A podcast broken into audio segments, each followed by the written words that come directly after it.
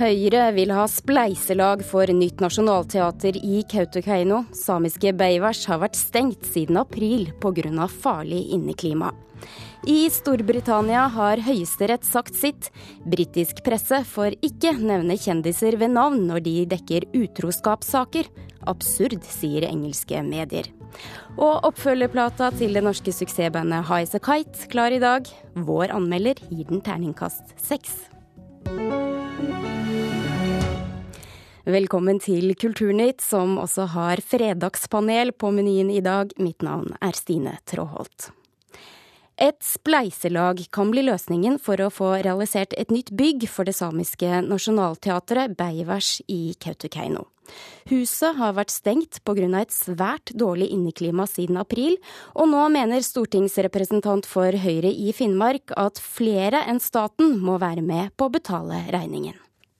Det kan være spleiselag mot eh, Samisk høgskole, det kan være spleiselag mot Finnmark fylkeskommune, det kan være spleiselag med kommunen.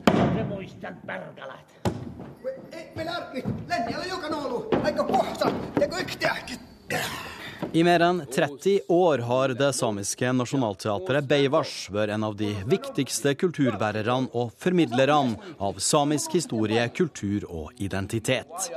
Omtrent like lenge har teatret jobba for et eget teaterhus i Kautokeino. Nå foreslår stortingsrepresentant Frank Bakke-Jensen fra Høyre et spleiselag for å få fortgang i byggeprosessen. Vi må se på hele saken eh, på nytt, men kanskje kan det være en idé at man går inn og ser på om det finnes andre samarbeidspartnere, sånn at man på et vis kan ta ned den statlige andelen. Kanskje kan man se om det finnes andre eh, samarbeidspartnere som også gjør at man kan ha et, i større grad av flerbruk på teaterbygninger. Kanskje må man se på andre samarbeidspartnere også, både for, for, bruk, nytte og, og, finansiering av teaterbygg. I dag holder teateret til i et nedslitt kulturhus, et lokale som i april ble stengt pga. elendig inneklima. Samtidig ligger planer om et nybygg til 140 millioner kroner fortsatt til behandling i Kulturdepartementet. Men et vedtak om byggestart er ennå i det blå. Derfor er styreleder i Beivars, Lene Hansen, positiv til forslaget fra Høyre. Det at de endelig forstår alvoret, syns jeg er utrolig bra. Hvem som finansierer huset er vi ikke så opptatt av, men at det blir bygd, det er det som er hovedfokuset vårt. Like positiv er ikke Finnmark fylkeskommune og vertskommunen Kautokeino. Kautokeino-ordfører Johan Vasara syns initiativet er prisverdig, men Rent prinsipielt så, så, så, må jeg likevel stille spørsmålstegn ved hvorfor en liten kommune skal forventes å bære eh, økonomiske kostnader ved å ha et nasjonalteater. Det er en statlig kulturinstitusjon, og da er det fullt ut statlig ansvar å, å bære de økonomiske kostnadene. Fylkesordfører Runar Sjåstad sier det slik. Skal det være et signalbygg som har et reelt innhold som er tilpassa den aktiviteten aktiviteten man trenger, som eh, skal dekke et nasjonalt ansvar, et nasjonalt samisk teater, så syns jeg det er rart at man ber en eh, fattig kommune og en fylkeskommune med store økonomiske utfordringer om å bidra. I går ble Veivars nominert til Hedda-pris for forestillinga Vidas Extremas. Samtidig er forslaget fra Frank Bakke-Jensen til vurdering i Kulturdepartementet. Neste vekke tar han forslaget med seg til Kautokeino. Jeg håper jo at det kan bli mottatt konstruktivt, at det vil være mulig å sette seg ned og se om det kan eh, finnes eh, sånne løsninger. Jeg ser ikke noen grunn til at de skal skyte det ned umiddelbart. Jeg tror vi er tjent med at eh, alle går inn i, i en sånn debatt med et, med et åpent sinn, og så ser vi om vi finner konstruktive løsninger. Rune Norgård Andreassen hadde laget dette innslaget. I dag så er forfatter Ingvar Ambjørnsen 60 år, og det omtales i flere aviser, Eirin Venås Sivertsen. Ja, både VG og Dagbladet har intervjua han i dag, og flere aviser omtaler 60-årsdagen hans. Ambjørnsen er jo en av Norges mest leste forfattere, og blant annet, eh, er bl.a. kjent for boka 'Hvite nigere' og bøkene om Elling og Pelle og Proffen. I intervjuene så snakka han om alderdom og om sykdommen kols. Eh, tre bøker skal gis ut for å feire ham. En litterær analyse, en samtalebok eh, med samtaler mellom Kristoffer Schou og Ambjørnsen og en bok med tre tidligere utgitte novellesamlinger. Altså, Når vi snakker om bøker, så kan jo Dagbladet fortelle hva som er Donald Trumps favorittbok. Fortell oss. Ja, nå er du vel spent. Um, Donald Trumps favorittbok er faktisk hans egen debutbok fra 1987. The Art of the Deal, altså kunsten å gjøre en handel. Eh, den er for øvrig også favorittboken til Patrick Batesman i filmen American Psycho. Eh, men denne boka handler altså om erfaringene Trump gjorde seg som businessmann på 70-tallet. Og nå har faktisk Dagbladet tatt seg tid til å anmelde denne snart 30 år gamle boka. Eh, og anmelder Åge Borchgrevink gir den en femmer, og mener at den forteller hva slags president Trump kommer til å bli om han skulle vinne det amerikanske presidentvalget. Fra USA til Paris. Eh, du kan faktisk nå bli en av fire hellige vinnere for å bo i Eiffeltårnet. Hvordan er det mulig, Eirin? Ja, eh, det er selskapet Home Away som har leid deler av andre etasje i eh, det verdenskjente tårnet under fotball-EM i Paris eh, nå i juni. De heldige kan våkne til utsikten av Triumfbuen, Sacre Coeur og elven Seine. Hvis du vil være med i den konkurransen og om å få sjansen til å bo i monumentet, så må du benke deg foran PC-en neste torsdag. Tusen takk, Arin Venås Sivertsen. Boy,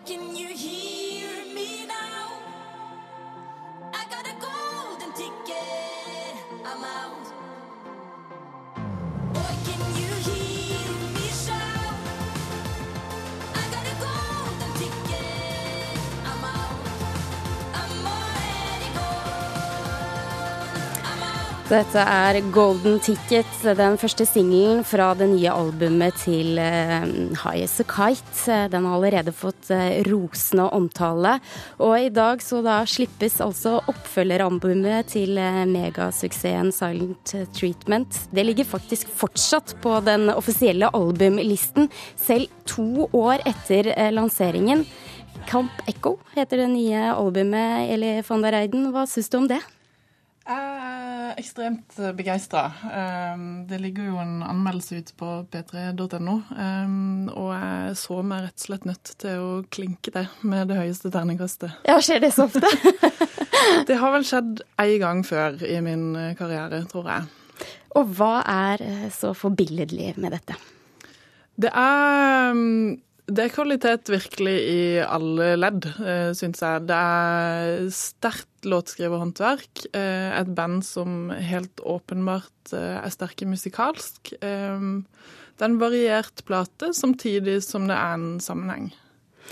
Silent Treatment, kjempesuksess. Hva kunne egentlig gått galt når man skal lage et oppfølgeralbum? Jeg tror uh, i tilfelle Guide så er det nok veldig lite som kunne gått skikkelig galt. Um, men, uh, men, det jeg ble positivt overraska over, er at de, uh, de har forandra seg mer enn jeg trodde de ville. Jeg tenkte nok kanskje at de kom til å lage noe som lå enda nærmere Silent Treatment, i og med at det var en så svær suksess. Så det er veldig gøy å høre et band som det virker som de har et utrolig stort kreativt overskudd og klarer å omsette dette til, til enormt bra popmusikk, rett og slett. Vi skal snakke litt om de endringene som du hører i musikken. Mm. La oss få et eksempel her nå først.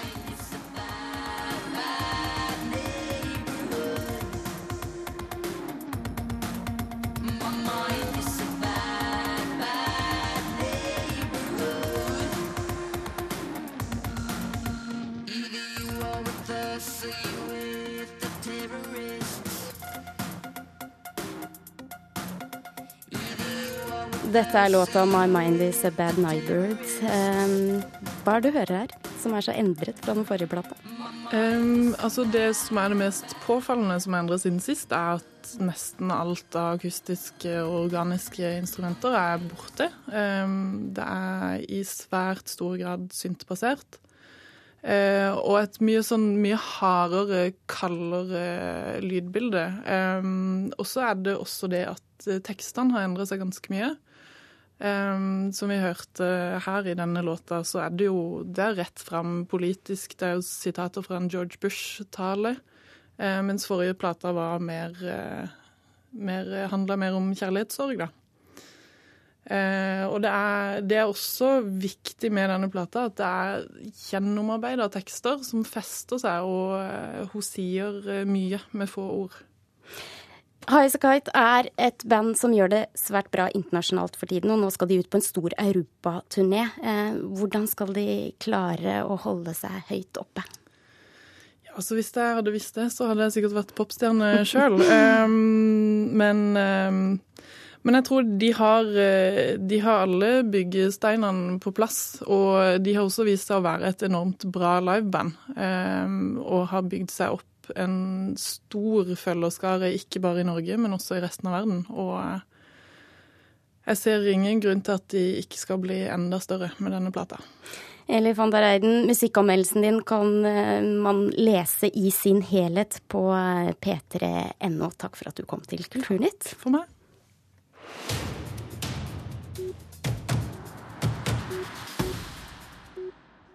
Da skal vi til Storbritannia, der retten til privatliv og presseetikk igjen er et tema. For i går så kom det en kjennelse fra Høyesterett i landet som hindrer engelsk presse å nevne navn når de dekker noe så pikant som en utroskapssak. Absurd, mener mange i engelsk presse, som påpeker at navn i slike saker florerer på sosiale medier, og også i mer tradisjonelle medier utenfor Storbritannias grenser.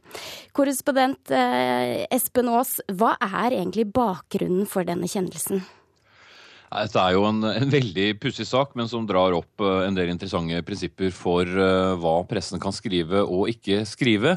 Men det er altså et, et kjendispar, en, en, svært kjent musiker, hvis mannlige partner hadde et forhold til en annen utenfor ekteskapet. Dette ville mediene skrive Da tror jeg vi mistet deg litt, Espen, rett og slett.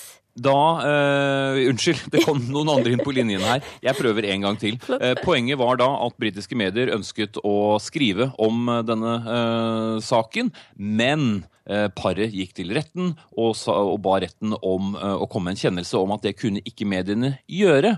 Og slik ble det, men det gjaldt altså bare i England og Wales. Eh, og det gjorde at aviser f.eks. i Skottland, som også jo er en del av Storbritannia, kunne skrive om saken, i tillegg til eh, medier andre steder i verden. Og på toppen av det hele så ble selvsagt navnet ganske raskt lekket ut eh, på sosiale medier. Ja, og For å bare rydde deg av banen med en gang, siden du sitter i Storbritannia da, og England eh, og ikke kan si det, så dreier det seg også da om Elton John og hans eh, ektemann. Hvilke deler av britisk presse har ytret mest motstand? Det overrasker sikkert eh, ingen hvis jeg sier at det handler om eh, tabloidmediene. Eh, og det er ganske talende å se på forsiden til The Sun i dag, det som gjennom mange år var Storbritannias aller største tabloidavis. Eh, med henvisning til noe av den seksuelle aktiviteten som skal ha foregått, eh, så skriver de på sin første side i dag dagen da ytringsfriheten druknet i et plaskebasseng med olivenolje, eh, og viser til dommere som nekter å forstå at det er noe som heter internett. De mener at denne avgjørelsen er helt absurd, at ikke de kan skrive om den saken, og drar altså ytringsfrihetskortet. Nå vil sikkert noen innvende og si at vel, dette noe, er dette en sak som er så viktig at eh, mediene trenger å gå eh, så langt. Kanskje ikke, eh, men det er en liten forskjell her, fordi det skal veldig lite til før du får navnet ditt i pressen. Enhver lokalavis kan trykke navn og ofte gaten på en, butikktyv. Påstander om utroskap brettes gjerne ut, men kan man nå gå rettens vei, særlig hvis du er en kjent person, og få dette stanset? Ja, Er det da grunn til å tro at britisk presse vil grafse litt mindre i eh, privatlivet til eh, sine kjendiser?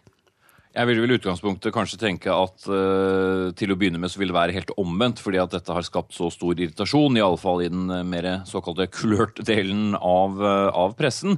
Uh, men det stilles noen spørsmål ved hva slags grenser skal man da operere med? Ingen kan jo gjøre noe med eh, internett. Eh, det har jo nesten blitt en sport blant enkelte å poste bilder av eh, avisforsider og magasinforsider fra andre land som handler om denne saken, mens altså engelske og walisiske medier ikke kan verken nevne navn eller trykke bilder, selv om Det er altså innenfor de samme landegrensene til nasjonen Storbritannia, og de står altså fritt til å gjøre dette i Skottland.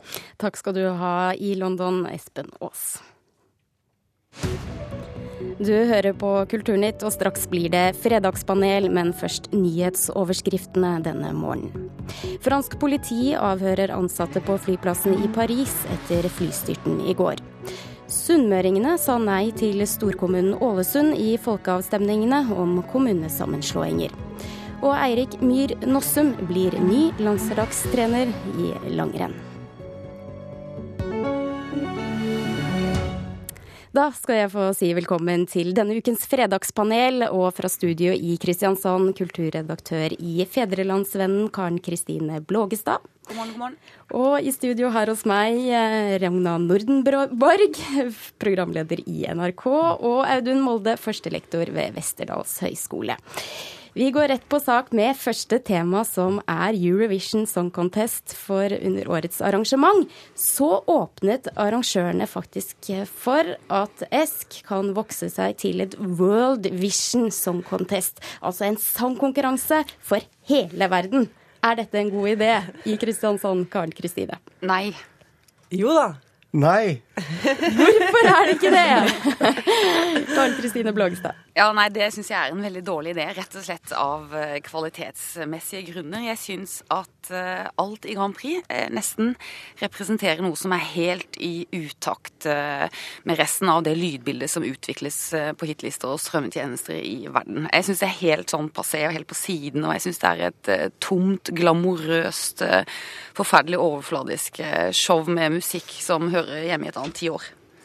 Ragna? Ja, jeg er jo ikke helt uh, uenig i at det kanskje det skorter litt på, på låtkvaliteten av og til. Selv om det er jo veldig store, såkalte store låtskrivere bak ofte denne konkurransen. Det er jo en, det er, det er en låtkonkurranse, dette. Men, uh, men jeg syns det er så gøy med Eurovision Song Contest, for det rommer jo så mye annet. Det rommer jo at man sitter i hver sin sofa rundt omkring i Europa, og ikke minst litt utenfor Europas grenser også. Jeg var sjøl og dekka dette i Aserbajdsjan for en stund siden. Og det er jo noe med at den der, å, å titte, fnise, le, ta det på alvor, gjøre det camp, gjøre det alvorlig. Man gjør det til hva man vil. Så jeg bare tenkte at så gøy. Nå kunne vi liksom fått Mexico, vi kunne sett hvor, hva de holdt på med nedi, nedi liksom, Oceana. Er det en øy vi aldri har hørt om, som har et kjempegøyalt bidrag? Ikke sant? Så jeg, jeg, som en sånn antropologisk studie så syns jeg dette høres fantastisk ut. Ja, men folk eh, titter og ler jo overalt i verden fra før. Og det er jo nok å titte og fnise og le, av. Det er jo masse kule gameshow i Sør-Korea og Brasil og rare øyer og sånn. Så jeg tror kanskje ikke verden trenger enda et uh, som kommer herfra, da. Nå har jo EEC flytta tyngdepunktet østover gradvis, da. Uh, og nå er det jo ikke-europeiske land som både Israel og Australia også er med der, så sånn sett begynner man jo med litt sånn imperialisme allerede. Men altså, EEC, du sier en låtskriverkonkurranse. I teorien er det det, men i praksis er det jo ikke det i hele tatt. Det skal jo være sånn nasjonalkonkurranse, da. Men den som synger for Sverige, kan godt ha en låt som er skrevet av en person fra Aserbajdsjan. Og, og det har jo vært eksempler på at samme låtskriver har skrevet låter for flere land. Så den biten av det er jo bare en vits. Akkurat som den såkalt ikke-politiske delen av Grand Prix også er en vits da med Krimkrigen og alt dette der. Ja, så, så, så, det er kanskje en, det er mange andre gode vitser rundt i verden også. enn akkurat sånn her. Nei, men det er litt alvorlig òg, så jeg mener det. fordi at det, eh, sånn kommunal globalisering som dette ville vært, da, eh, det, det, tror jeg faktisk litt på. Men så er det jo dette med ikke sant, i OL liksom, tung, tungvektboksing. Skal det være med, skal det ikke være med? Fordi at det, Hvis Justin f.eks. hadde ikke bare gjort pauseinnslaget som han gjorde Justin Timberlake, en av verdens største største men faktisk setter seg ned og skriver en låt, så blir det jo spennende å se om da Amerika, hvis de skulle vært med, om de rett og slett bare kjører på med sine aller største globale stjerner, så, så er det plutselig ikke noe gøy lenger. Men alle amerikanske hits for tiden er jo skrevet av svensker. Ikke sant? og så spørs det jo da til slutt om det vil være praktisk gjennomførbart. Vi må gå videre og snakke litt om den kommende presidentkandidaten Donald Trump. Eh, for nå er, ser det ut til at striden mellom han og Fox News-journalist Megan Kelly denne striaksa ble denne uka begravet. Eh, Trump han har tidligere sagt at han aldri ville ha noe med denne journalisten å gjøre, etter at hun konfronterte ham med en nedsettende uttalelse han hadde kommet om kvinner under en debatt, og det er godt og vel et år siden. Nå er de venner. Er det et godt eh, tegn, Audun Molde? Nei. Ragna? Nei. Og i Kristiansand, Karte Kristine? Nei, det er ikke et godt tegn. Da er dere veldig enige. Da må dere forklare oss hvorfor. Ja, for Det er jo dårlig politisk eh, journalistikk, rett og slett. Eh, og det er jo masse rykter her om at Murdoch har vært inne i den redaksjonelle dekningen av Trump hele veien. At han både pushet på for at de skulle kjøre han hardt og være kritiske til han i begynnelsen, men at han nå har fått varmere følelser for Trump, og nå tvang denne TV-reporteren til å være litt mjukere mot eh, Trump, som hun jo også var. Det var jo kleint eh, TV. Smiskete, kjedelig. Ja, var hun tannløs og kjøpt og betalt? Hun stilte jo for så vidt spørsmål eh, som, eh, som var i sånn skjæringspunktet mellom politikk, den hendelsen som var mellom dem, og så litt sånn om hvor, da, hvor han var når han tweeta.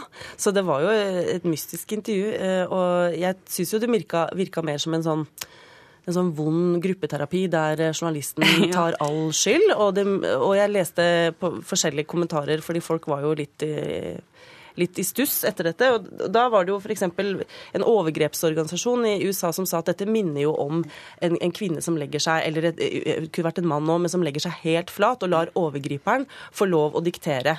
Og alt er på hans eh, premisser.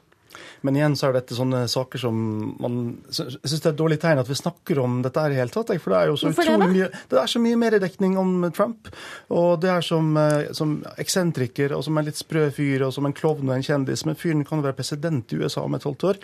Og, og jeg så jo til og med at norske politiske journalister og kommentatorer tok litt selvkritikk for et par uker siden, for at ingen så det. Alle var sikre på at det kommer aldri til å bli. Eh, og det syns jeg er et godt tegn, at man begynner å diskutere det og ta det på alvor. For altså, jeg skjønner jo at eh, journalister syns det er en god sak at han har en feide med en journalistkollega, men han fornærmer jo ikke bare henne, han fornærmer jo de fleste amerikanere. Sant? Og det er en mye større sak enn akkurat denne journalisten fra den mest erkekonservative nyhetskanalen i USA. Men det er jo det det- denne saken er et veldig godt eksempel på. og Det er jo et eh, stort alvor i det, og er enormt viktig at vi, vi dekker den presidentvalgkampen, og at Trump er i fokus hele tiden. Han representerer jo noe som er en trend også i Europa, med en eh, antiintellektualisme, altså kanskje litt sånn antidemokratiske strømninger og, og enorm populisme. Jeg syns det er enormt viktig. Ja, det syns jeg er viktig at dere i media tar mye mer tak i. For det som skjedde med et intervju med, med, med Kelly, var jo så ut som det var helt inn i regien til Trump, sånn som du også sa, Karen. Ja, Er det et eksempel på at det er slutt for den frie presse i USA? Det er det ikke. Men det er jo eh, absolutt eh, interessant å se at eh, modellen med, med, med eierskap hvor penga rår til slutt, eh, handler om at eh, man må kanskje holde seg litt mer inne eh, og lage show og underholdning. Kanskje ikke at politikken eh, dør i avisspaltene eller i TV-redaksjonene i USA, men at, at showet vinner. Og der er jeg enig med deg. at eh, det er jo det som er, Dette er jo det eksempel på. Du, du glir over fra en som skulle være en skarpskodd eh, politisk journalist og debattleder, til å være en, en passe hyggelig og dyktig eh, portrettør. Men da er jo Fox litt i en særstilling også, for det er jo utrolig mye oppegående, kritisk, enormt bra presse i USA, heldigvis. Vi skal videre til en kjent TV-serie. I saw a future. Our future. We had a future until you started destroying it. Og dette er Claire Underwood i TV-serien House of Cards. I går kom nyheten at eh, skuespilleren som spiller Claire Robin Wright, hun satte hardt mot hardt og krevde å få likt betalt som eh, den andre hovedrolleinnehaveren, Kevin Spacey. Og hvis hun ikke fikk det, så truet hun med å lage et oppstyr i media. Ledelsen etterkom kravene hennes. Er dette et eksempel som også norske mm, skuespillere bør bruke til etterfølgelse? Ja, hvis det er nødvendig, så. Ja, det er det. Ja, jeg er enig. Kjør på. Med trusler. Ja, hvorfor det? Det virket jo eh, veldig godt. Eh, hun fikk jo høyere lønn. Nå er det jo litt rart, da, for hun truet jo med å lage støy i media hvis hun ikke fikk eh, samme lønn som sin mannlige motspiller. Men nå ble det jo støy uansett, og dette er jo veldig kjent og gikk jo veldig på nettet i går og i forgårs og så videre. Så støy ble det jo uansett. Men jeg tenker jo i bunnen av alle forhandlinger om lønn og på alle arbeidsplasser, så ligger det jo at hvis man ikke blir godt og rettferdig behandlet, så slutter man. Men er dere forresten alle enige om at kvinner skal ha likt betalt uh, som menn. Nei da, det trenger vi ikke. For å rydde den ja, nei, nei, nei, nei.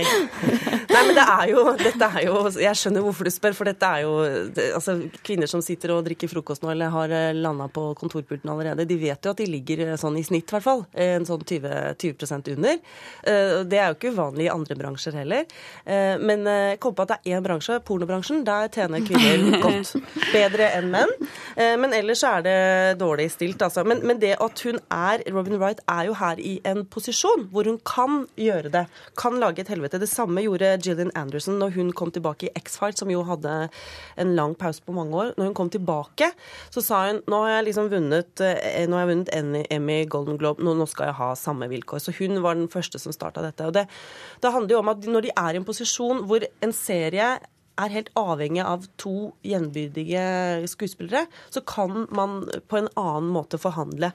Eh, og så er jo Den andre utfordringen er jo nettopp å lage nok interessante kvinneroller, hvor du da ikke på en måte har den posisjonen som gjør at du kan forhandle, eh, sånn som disse har gjort. Så dette henger jo litt sammen med hva slags eh, plassering de har i, i selve fortellingen. Ja, Det er jo spesielt problematisk, tenker jeg også for skuespillere. Da er jo det et litt utbredt fenomen. Men det er jo riktig som du sier at det er jo viktig å undersøke litt markedsverdien sin før en begynner å true voldsomt. Hvis ikke så kan det fort bli litt flaut. Ja, lønna bør jo følge markedsverdien her, men følge rollen og hvilken funksjon man har i produksjonen. Da. Det bør ikke følge ting som kjønn eller etnisitet eller andre ting.